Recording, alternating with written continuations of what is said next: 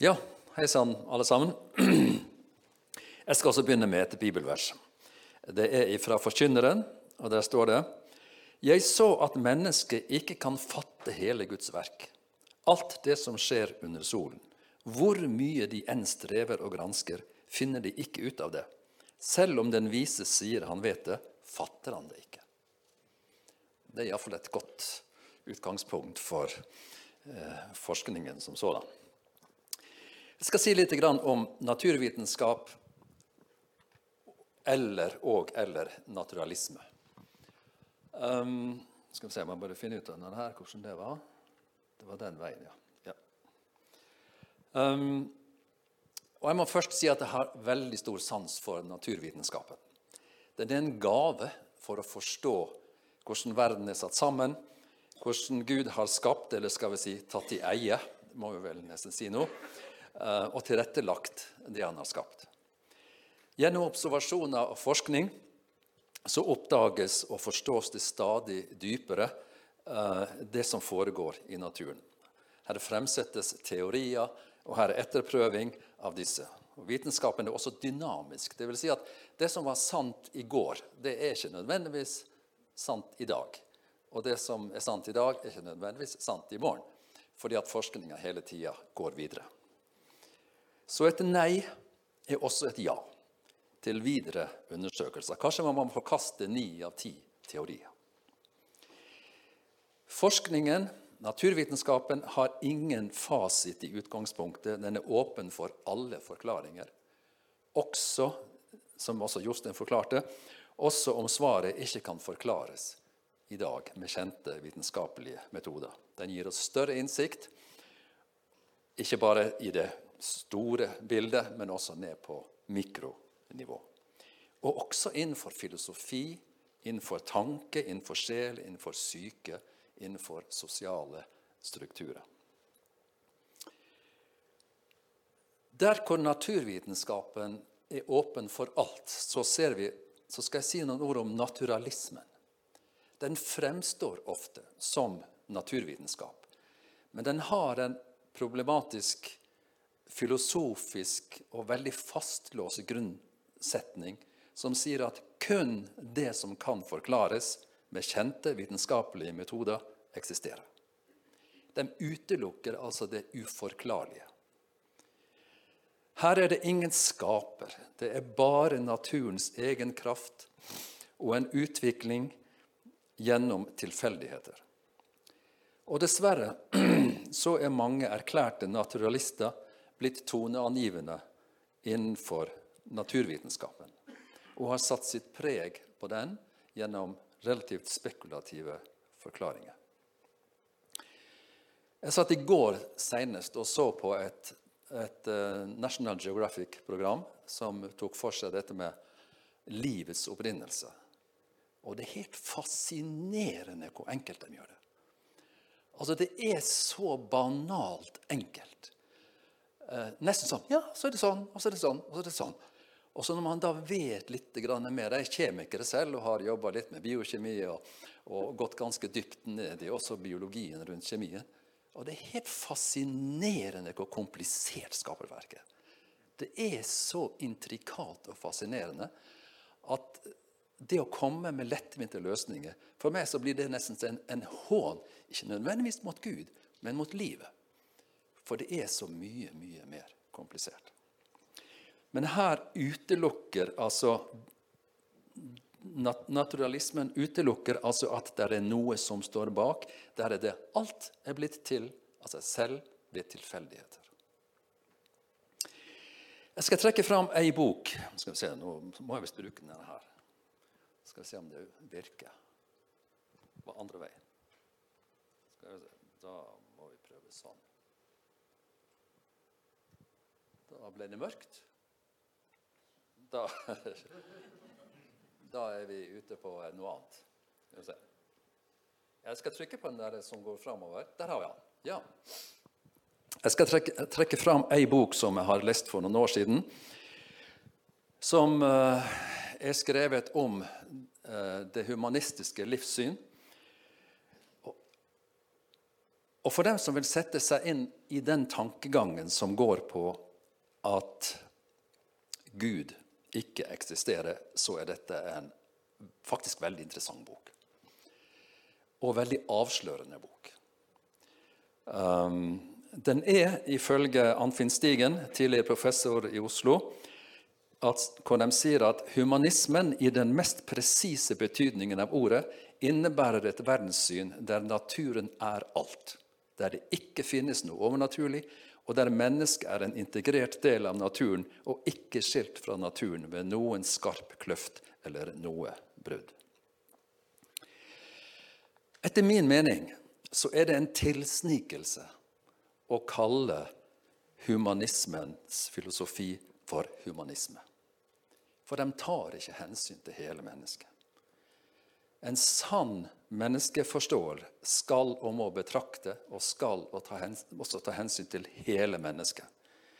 Men når man utelukker alle åndelige og sjelelige, tankemessige, etiske problemstillinger og dimensjoner i mennesket, så er det jo ikke menneske lenger. Da har vi ikke den egenskap og den karakter som skiller oss fra dyrene. Men siden de ikke kan forklare det, så må de utelukke det og kalle alt som går på etikk og moral og sjel og tanke og alt det her, for sosiale konstruksjoner. Menneskets egenart er jo langt mer komplisert enn dette her, som de sier da.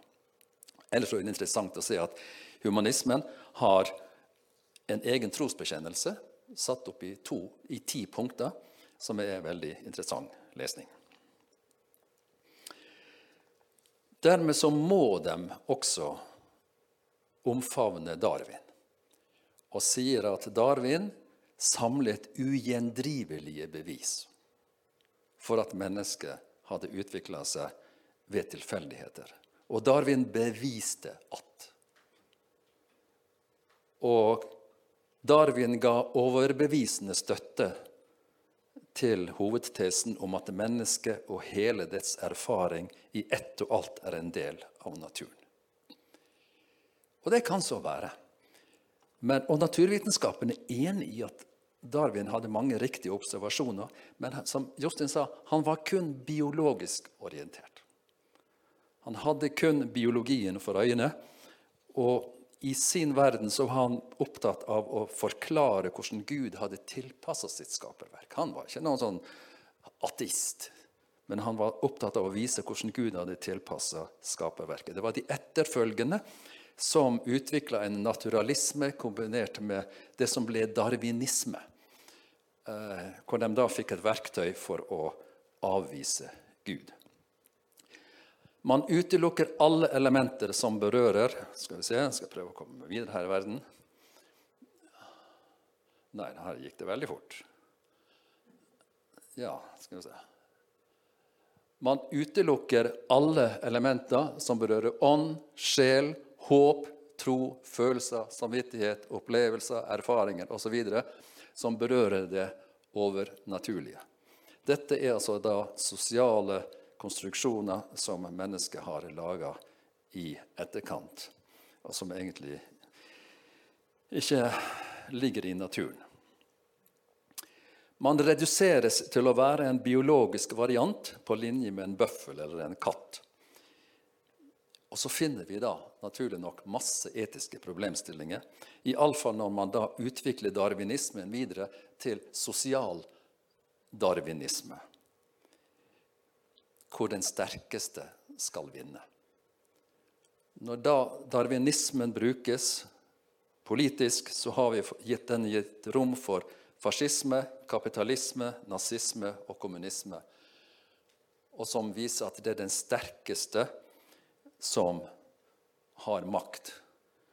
Og en, for en rendyrket naturalist, humanist, så er dette greit. Det vil være underordna for dem om det er mennesket eller mauren eller den nye mutanta hester som skal overta kloden. Eller covid-19, for den saks skyld, som også er en livsform. Men etikken deres har også en svært, svært problematisk side, som går på godt og ondt. hva er godt og ondt? Jo, det er også fastsettes ved erfaring, som de sier. Og da kommer spørsmålet hvem sin erfaring? Og hvordan skal man egentlig klare å vite da hva som er rett og galt? Og hva med naturvern? Vi mennesker er jo de sterkeste. Skal vi eh, ha rett til å utrydde det som er litt svakere? En side ved som jeg skal ta et, neste avsnitt nå, det kommer da inn på det som, som jeg syns er noe av det mest interessante når det gjelder da skapelsen. Det er entropi. Det, det ordet, jeg vet ikke om dere har hørt noen gang, men det, det er iallfall et, et, et veldig benytta ord innenfor energiforståelse. Og Den der skal vi ikke ta i dybden. Det er liksom bare forklarer entropien. Så vi kan bruke to timer på den, men det skal vi ikke gjøre. Men det den i kjernen sier, det er at et lukket system som er overlatt til seg selv, kan ikke av seg selv øke energien eller orden. Det må en ytre kraft eller energi, varme, andre energiformer eller arbeid til for å øke energien i systemet. Overlatt til seg selv går energien i systemet mot null. Alt går mot kaos. Og dette er en grunnlov i fysikk. Og da får jo nødvendigvis noen her et problem. Hvis man skal prøve å forklare skapelsen, hvis man skal prøve å forklare den orden, det system som finnes i verden, så får man problemer med akkurat denne. Og Typiske erfaringer fra vårt hjemmeliv det er jo et gutterom som ikke ryddes. En um, La være ta oppvasken. Um, kran som lekker og ikke tettes. Um, ja, sånne ting som, som, vi har erfaring med, at hvis ikke det tilføres arbeid eller, eller, eller energi, så går det mot kaos. Det opprettes en likevekt med lavest mulig energi.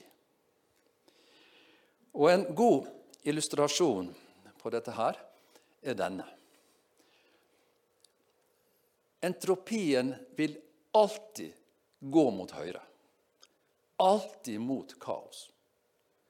Det, av seg selv kan den ikke gå til venstre. Det opprettes ikke orden og system av seg selv.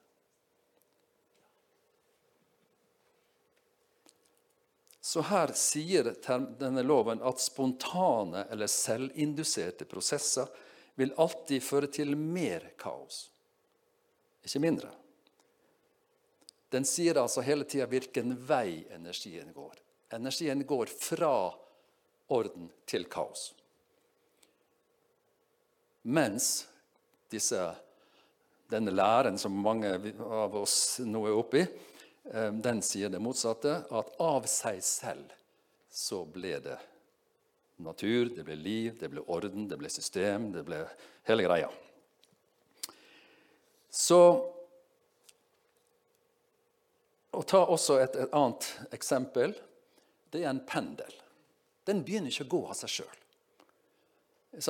Noen må liksom dytte den i gang for å få dette her til å bevege seg. Det må en energi til for å få det hele i gang. Uten det så bare står den i ro. Laveste energinivå. Når det da prøver man å anvende dette her på universet, så kan, sier forskere, kan ikke denne loven anvendes hvis man fastholder at dette er oppstått av seg selv. Det må ha vært en tilførsel av energi fra noe eksternt for å kunne opprettholde, opprettholde den grad av eksistensorden som i dag observeres. Og så har de ikke noe mer forklaring på det. Men jeg syns vi fikk en Det var også igjen når jeg så på, på, på et sånt naturprogram, et sånt Verden blitt til-program, hvor en av forskerne sa at kanskje sa han, om 500 år, hvis forskningen fortsetter i samme tempo, så vil vi kanskje om 500 år klare å skjønne litt av hva som skjedde helt i begynnelsen. Og Det, er, det, det syns jeg er bra. Det er sånn god ydmykhet overfor problemstillingen. Ja. Godt. Da um, skal jeg avslutte med det. Jeg tror ikke det, det vi trenger å si noe mer. Og så er det spørsmål skal jeg si bare to ord om Sverre Holm sin bok. Ja, Da tar jeg det samtidig. Det var denne boka her som vi også vifta litt med her i sted. Um, Sverre Holm sin bok om den innbilte konflikten.